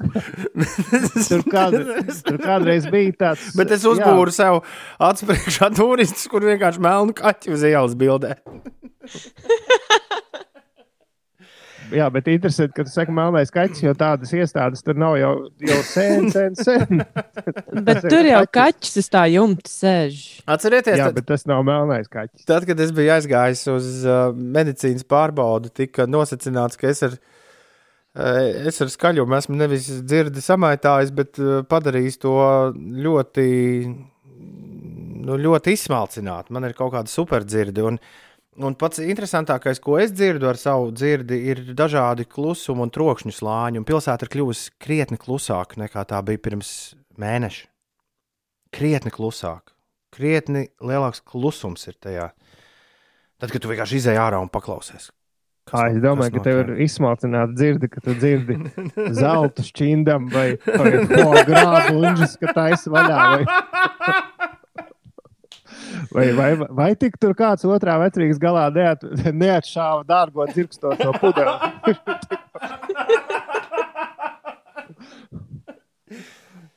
Uzliec kaut ko no Vis- Mocarta. Vi, visu kaut ko, visu kaut ko es dzirdu.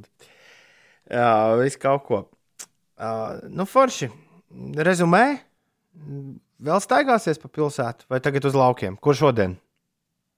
Šodien kaut kur atkal ārā vajadzētu izbraukt. Bet, bet nu, kamēr mums vēl ir tā iespēja pa vienam vai divam tā ievērojot to distanci, un ne masveidā kaut kur iziet ārā, it īpaši tiem, kas bildē kaut ko. Šobrīd ir lielisks laiks, lai fotografētu Rīgu. Ir ļoti maz mašīnu, ļoti maz cilvēku.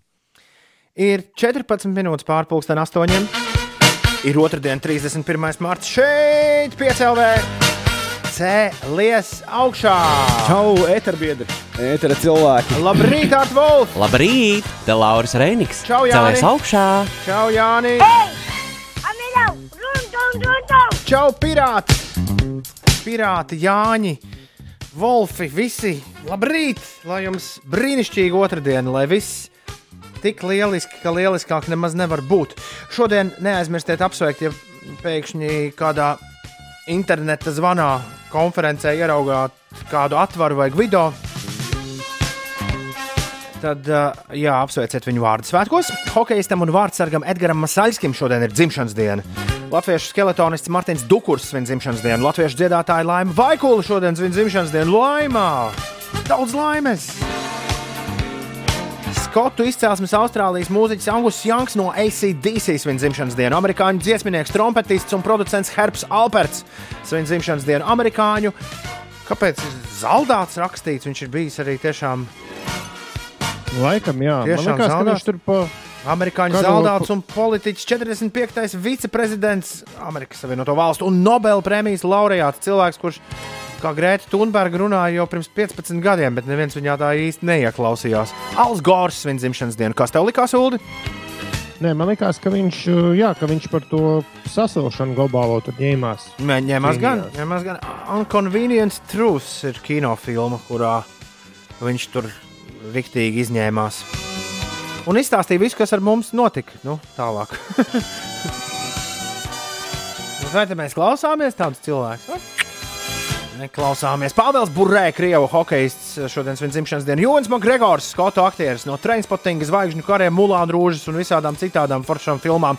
Kristofers Volkens no Fatboy Slim video klipa svin dzimšanas dienu. Samantai Tīnai Poļakovai šodien ir dzimšanas diena. Daudz laimes Edgaram Ragīnskim, mūsu bijušajam.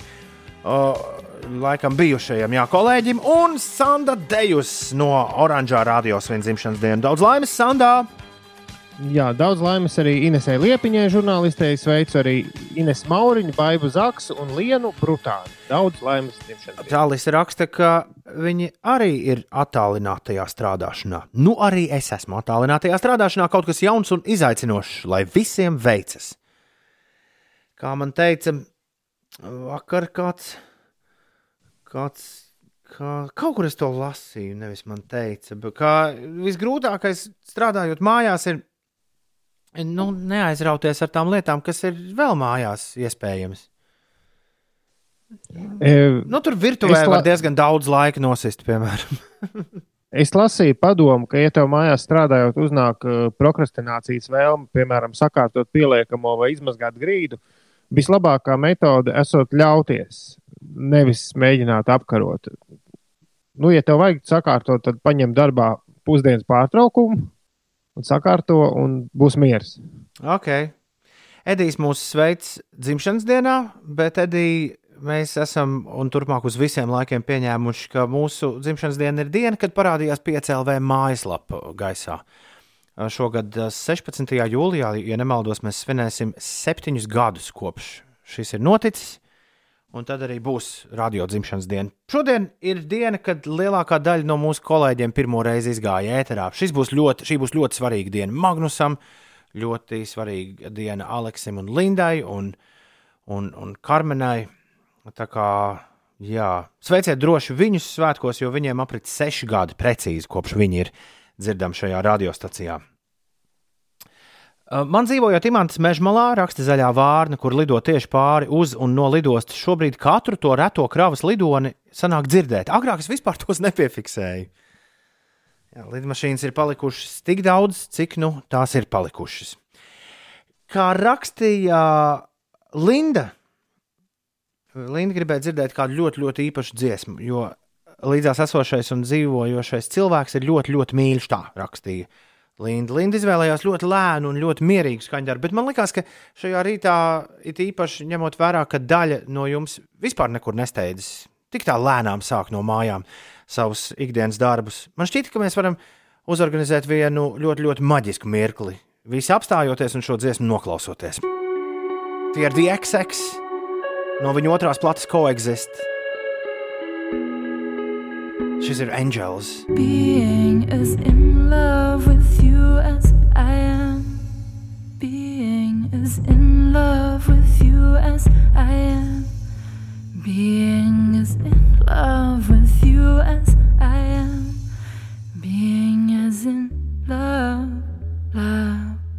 Es atceros, ka ar kur un kā es dzirdēju šo dziesmu pirmo reizi. Tas bija 2012. gada Hurricane festivāls Vācijā, un DXX nospēlēja šajā koncertā tikai vienu jaunu dziesmu, bet uh, Romija iznāca uz skatuves un sāka koncertu ar Angels, un visi, kas tajā brīdī bija auditorijā, dzirdēja šo dziesmu pirmo reizi. Un uh, bija dienas vidus, bija saulaina diena, un uh, šķita, ka viss uz mirkli ir apstājies. DXX un Angels 8,34 minūtēs. Kādu dienu mēs atkal visi atpakaļ būsim zaļās pļavās, šur un tur pasaulē, lielos un mazākos festivālos. Bet pagaidām mēs atrodamies viens no otra vismaz divu metru attālumā un paliekam mājās. Metam gaisā vai grūžam aizā! Dziesmu ieteikumus sūta rīti at 5.lv. Bet pagaidām gaisā vai aizā mums šeit iekš uh, morning show pieci rīti. Labrīt, Inese! Labrīt! Šorīt tavs garstāvoklis ir gaisā vai aizā? Ir diezgan gaisā. Es skatos, kā raust ļoti skaista saulaina diena. Ulu, tu esi gaisā vai aizā? Es esmu rīktīgi gaisā, jo es no Rīgas centra webkamerām pārslēdzos uz klinšu ērgli un skatos, kā putns perē olu un skan putna balsis un viss forši. Tad jau viens Saulē. z- Tad jau viens znanā tieši būs laikā. Man liekas, tā viņš jāizrunā. Znanā. Znanā. Znanā. Viestē un znanā. Joprojām gaisā. Arī šorīt. Smeravatovo samona davanuto turumona Cirnana, cirnana, cum la Znanā. Viestē. Gaisā vai aizā. Kas stāsies pretī viestē, Ulu? Viestē pretī stāsies mūsu klausītāja Edija iesūtītais uh, agronoms ar jūrmālas diskotēku. un Viņš raksta, ka šī dziesma esot sarakstīta skumstot par jūrmālas diskotēkām. Un, lai arī dziesmā nu, nav pārāk daudz stāstu par diskotēkām dzirdams, un tur ir dažas frāzes krievu valodā, dziesma, noklausoties to no A līdz Z, nu, diezgan droši iederas šajā gaisā vai aizā sacīkstē.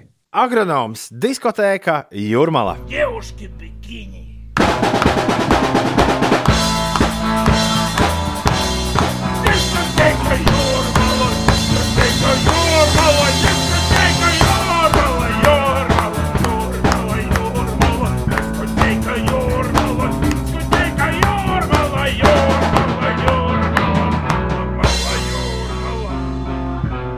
Vareni, vareni. Jā, jā, jā. Agronoms un diskotēka jūrmala. Metam gaisā Un- vai grūžam aizā! Interesantās mūzikas aptauja. Katru rītu apmēram pēc pusdeviņiem. Nošauj vaļā, Ulu. Ko Nē, es gribēju teikt, ka Gunčs tagad ir dilemma, dilemmas priekšā, jo, ja viņš pie Zana dejoja Pāvilos tā pie jūras, tad šajā dziesmā ir diskotēka jūrmāla, kas arī ir par dejošanu pie jūras. Jā, nu paskatīsimies, vai viesti ar Znanā ies trešo reizi gaisā, vai tomēr uzvarēs šodien agronoms un diskotēka jūrmāla. 2931, 2020 ir tālrunis šeit studijā. Labrīt, kas ir tālruņa klausulas otrā galā? Kā tevi sauc? Uzmanību! Ingūns! Čau, Ingūr! Nu, kā vadājas medikamenti šajā rītā? Ļoti labi, visi mierīgi, visiem visi ir dabūts, un es esmu laimīgs. Zenanā vai jūrmālā? Zenanā. Zenanā! Esi marabatlada fanzala stavana vecchia sola sola zernana zernana come la bimba gumbana smaravatta la padulle la visto guru gulu zernana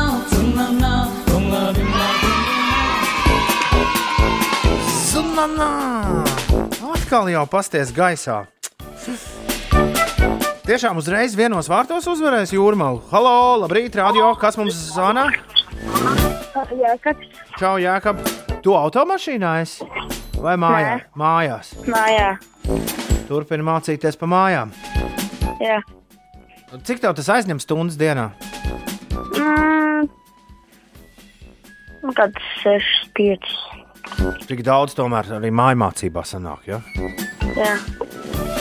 Nu, ko pēc tam dari? Pēc tam es eju ārā Bet uzmanīgi. pagalmā. Jā, uzmanīgi. Cerams, ka viens pats. Jā, arī. Jā. Ļoti labi. Tā. Znanā vai diskotēka jūrmāla? Kas ir jāmet tagad gaisā? Pateikt jūrmālu. Nu, labi, Jākab, darām tā.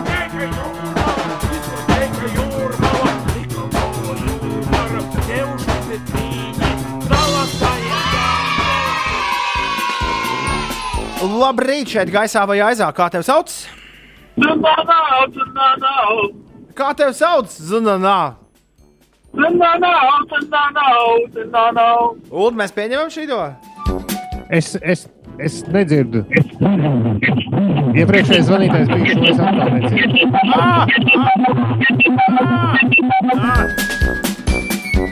Nē, nu, tur bija. Tieši ielauzās ēterā. Ā, es, es nesaprotu, kas tur notiek. Nē, nu kā cilvēks dziedā, znā, mēs šo ieskaitām vai ņemam citu zvanītāju. Nu, jāieskaita, nav jau, nav jau variantu. Ok, tātad znā ir šobrīd sezonas otrajā vietā automātiski. Ar šo.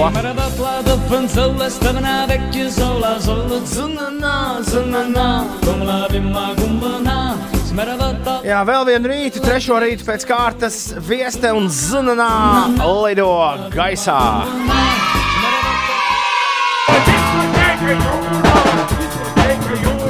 Un pēc viena rīta, pēc viena rīta dalības aizāja iekšā agronoms un diskotēka jūrmalā. Pie tās diskotēkas dziesmas, man liekas, būtu padējot. Ja rītdien uzvarēs kāda vaina, Tu tāds neesi uz kārtīgu, ritms, tu neesi uz kārtīgu uņģiku koncertu bijusi, nu, uz underground. Jā, laikam. Aizvedīsim mūdu kādreiz, tad, kad atgriezīsies dzīve atpakaļ vecajās sliedēs. Aizvedīsim Ines uz depo klubu. Tur... Jūs parādīsiet, kā jādara. Tur, tur cilvēki tikai bez šitādiem dejo. Jā. Uh, bet, uh, ja rīt zununā lidos gaisā, tad uh, zununās sasniegs un noķers koronavīrusa dziesmu no Jofrangela, kas šobrīd ir sezonas līderi ar četriem gaisā metieniem.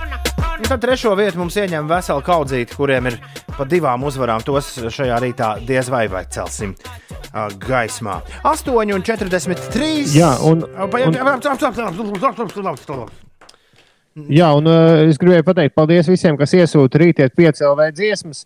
Uh, varbūt pietiek uh, dažādas joku dziesmas par koronavīrusu. Mums viena ir, es domāju, mēs vairāk neņemsim, jo neviena no tām nav pirmā un nav tik laba. Jo Kā- tiešām kā pēdējā tas laikā tikai. Jā. Mums tikai un vienīgi visādas tur uh, Old Town Horse par koronavīrusu, latviešu un tad angliski, Bohēmijas rapsodija par koronavīrusu, Linking par koronavīrusu versiju. Man liekas, ka pietiek. Man Ejam atpakaļ pie kaut kādām tādām īstām vērtībām. Jā, piemēram, pie busuļa ejam atpakaļ. Re, kur būs miglas rīts tagad visiem.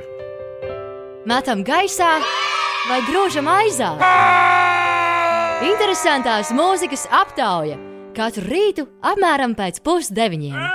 Dziesmu ieteikumus sūti uz rīta at 5.lv. Žēl, ka šo nedzird sieviņa raksta zaļā vārna. Viņa pirmajā frontē šobrīd pieņem akūtos pacientus ārsta praksē. Migls Rīts. Latvijas Rādio 5,5 lētrā. Ja jūs zinātu, kā es izdziedāju šim līdzi, jūs to drīz uzzināsiet. Ir jā, 8,48 Ines, kas notiek? Šodien Latvijā gaisa iesils 1 līdz plus 2,6 grādiem. Vidzemē un Latvijā būs pārsvarā skaidrs debesis, bet citiet valstī saule mīsies ar mākoņiem un nokrišņi nav gaidāmi. Diena būs uh, nedaudz vējaina, pūtīs lēns līdz mērens rietumu puses vējš. Dienas vidū daudz vietā dominēs bezvējš. Galvaspilsētā gaidāms neliels mākoņu daudzums, lēns vējš un maksimālā gaisa temperatūra plus 5 grādi. No šodienas Jelgavā pie kultūras nama rota Garozas ielā 15 darbu sāks Covid-19 analīžu mobilais pieņemšanas punkts. Analīzes var nodot noteiktā laikā, tikai iepriekš piesakoties un ierodoties ar savu eh, transportu. Nīderlandē naktī uz pirmdienu no muzeja, kas slēgts sakarā ar pasākumiem eh, koronavīrusa izplatības ierobežošanai, ir nozagta Vincenta Van Gogha glezna. Tā paziņojušas amatpersonas nozagtā glezna ir pavasara dārzs, kuru mākslinieks uzgleznoja 1884. gadā, un vietējie mediji ziņo, ka gleznas vērtība ir viena, no 1 līdz 6 miljoniem eiro. Un vēl par ierobežojumiem citās valstīs Panamas valdība pastiprinājusi karantīnas pasākumus, šķirojot pilsoņus pēc dzimuma. Jaunie noteikumi būs spēkā 15 dienas, sākot no rītdienas.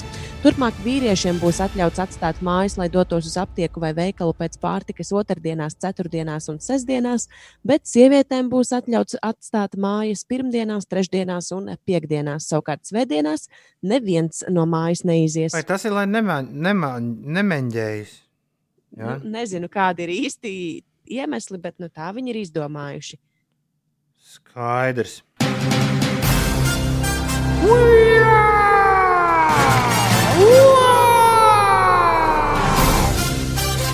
Interesantās ziņas! Tagad būs interesantās ziņas. Visu laiku tik kaut kas interesants. Šajos dūlajos laikos vairāki Anglijas un ne jau tikai Anglijas futbola klubi ir sākuši darīt to, par ko mēs pirms pāris nedēļām smējāmies, kā par labu joku. Gan Līdzi pret Kārdifu, gan Southamptonu pret Norviču, kā arī vairāk citi klubi ir izspēlējuši savus ieplānotos, taču atceltos dueļus FIFA 20 datorspēlē. Spēles translētas arī dažādos sociālajos tīklos, un, piemēram, līdzes pret Kārdifas maču periskopā uz šo brīdi noskatījušies vairāk kā 178,000 skatītāju. Kāda starpība, kas tur bija? Lūdzu, man pierakstīs rezultātu, bet kāda starpība, kāds bija rezultāts? Nostieties paši! Ja futbols trūkst jums dzīvē, Jā, vienīgi nav, nav zināms, kas ir spēlējis, kas ir bijis pie pogām. Vai tie tiešām bija kāds no spēlētājiem? Forši, ka spēles starplaikos tika rādīti arī atgādinājumi mazgāt rokas un citi atgādinājumi, kā rīkoties izolācijas apstākļos. Taču, diemžēl, iegūtie punkti, protams, netiek pieskaitīti čempionāta īstajai tabulai. Mēs šorīt jau pieminējām Netflix kampaņu, kurā ļaudis tiek aicināti palikt mājās, jo uz ielām izlīmētajos plakātos redzami seriāla spoileri. Kāds Japāņu uzņēmums izdomājis veidu, kā likt cilvēkiem biežāk mazgāt rokas. Viņi ir radījuši produktu Sexy Anime Soap Bar. Kas tas ir? Tātad, tātad, eh, tās ir ziepītes, eh, kurās ir redzama nu, Japāņu mūzikas nu, tāda trūcīga ģērbta jauna kundze zīmēta. Un eh, tas viņas apģērbs ir nu, dažādās ziepes kārtās. Līdz ar to mazgājot rokas. Jo vairāk nomazgā rokas, jo trūcīgāks jo apģērbs paliek. Jā, tieši tā. Tu- Tu, tu nomazgā virskārtu un, un tad atceries vēl kaut kas. un tad- Nu, atkal Japāņi ir kaut ko izdomājuši. Mēģinājumi gan laikam ir tādi visai nu, tādi mazliet neķītri kungi, bet uh, arī, arī tādiem ir jātīra rokas. Nu, kurš, kurš gan kungs bišķiņ kaut kur sirds dziļumos nav? Nedaudz. Jā, sek, jā. seksī anime soap bar. Daudziem pēdējo nedēļu laikā droši vien reiz vien ienākusi prātā doma, kā vēl iepriecināt kaimiņus. Uldis, piemēram, šonadēļ aktīvāk cenšas spēlēt trombonu, ar īpašu klusinātāju, taču to dūkoņu jau tik un tā dzird cauri. Un kāds no Ulda kaimiņiem ir iegādājies lecam auklu, un arī Patricija Twitterī vakar ir rakstījusi. Izklausījās, ka stāv augstāk, agresīvi, nu, kāds nodarbojas ar seksu, bet nu, ir pagājusi kāda pusstundu, un tagad man tomēr šķiet, ka lec ar lecam auklu. Kāds ārzemju portāls piedāvā vēl labāku ideju, kā sagādāt prieku kaimiņiem. Un pie reizes šis varētu būt interesants projekts, ko uzsākt kopā ar bērniem. Uzmanību! Miskastes maisa dūdas. Portālā Instructables.com, kurā vispār var atrast visādas labas lietas. Lūdzu, tūlīt ietvītos no atpieci rīta Twitterī. Pieci rakstiet ar burtiem. Tur ir aprakstīts, kā no miskastes maisa pildspalvas divām stabulēm un līmlēm var pagatavot pavisam īstas dūdas, veicot dažas nepārāk sarežģītas darbības.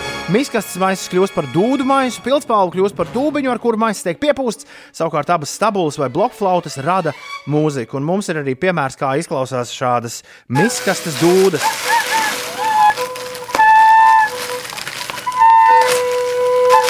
Ar šīm miskastes dūdu skaņām arī mēs no jums atvadāmies. Rīt ir 1. aprīlis, būs baigi nopietns raidījums rītdien starp 6 un 9. Lieliski. Lai šīs dūdas pavada jūs otrdienā, lai viss izdodas. Paldies, ka klausījāties! Visu labu! Atā! Atā! Ā!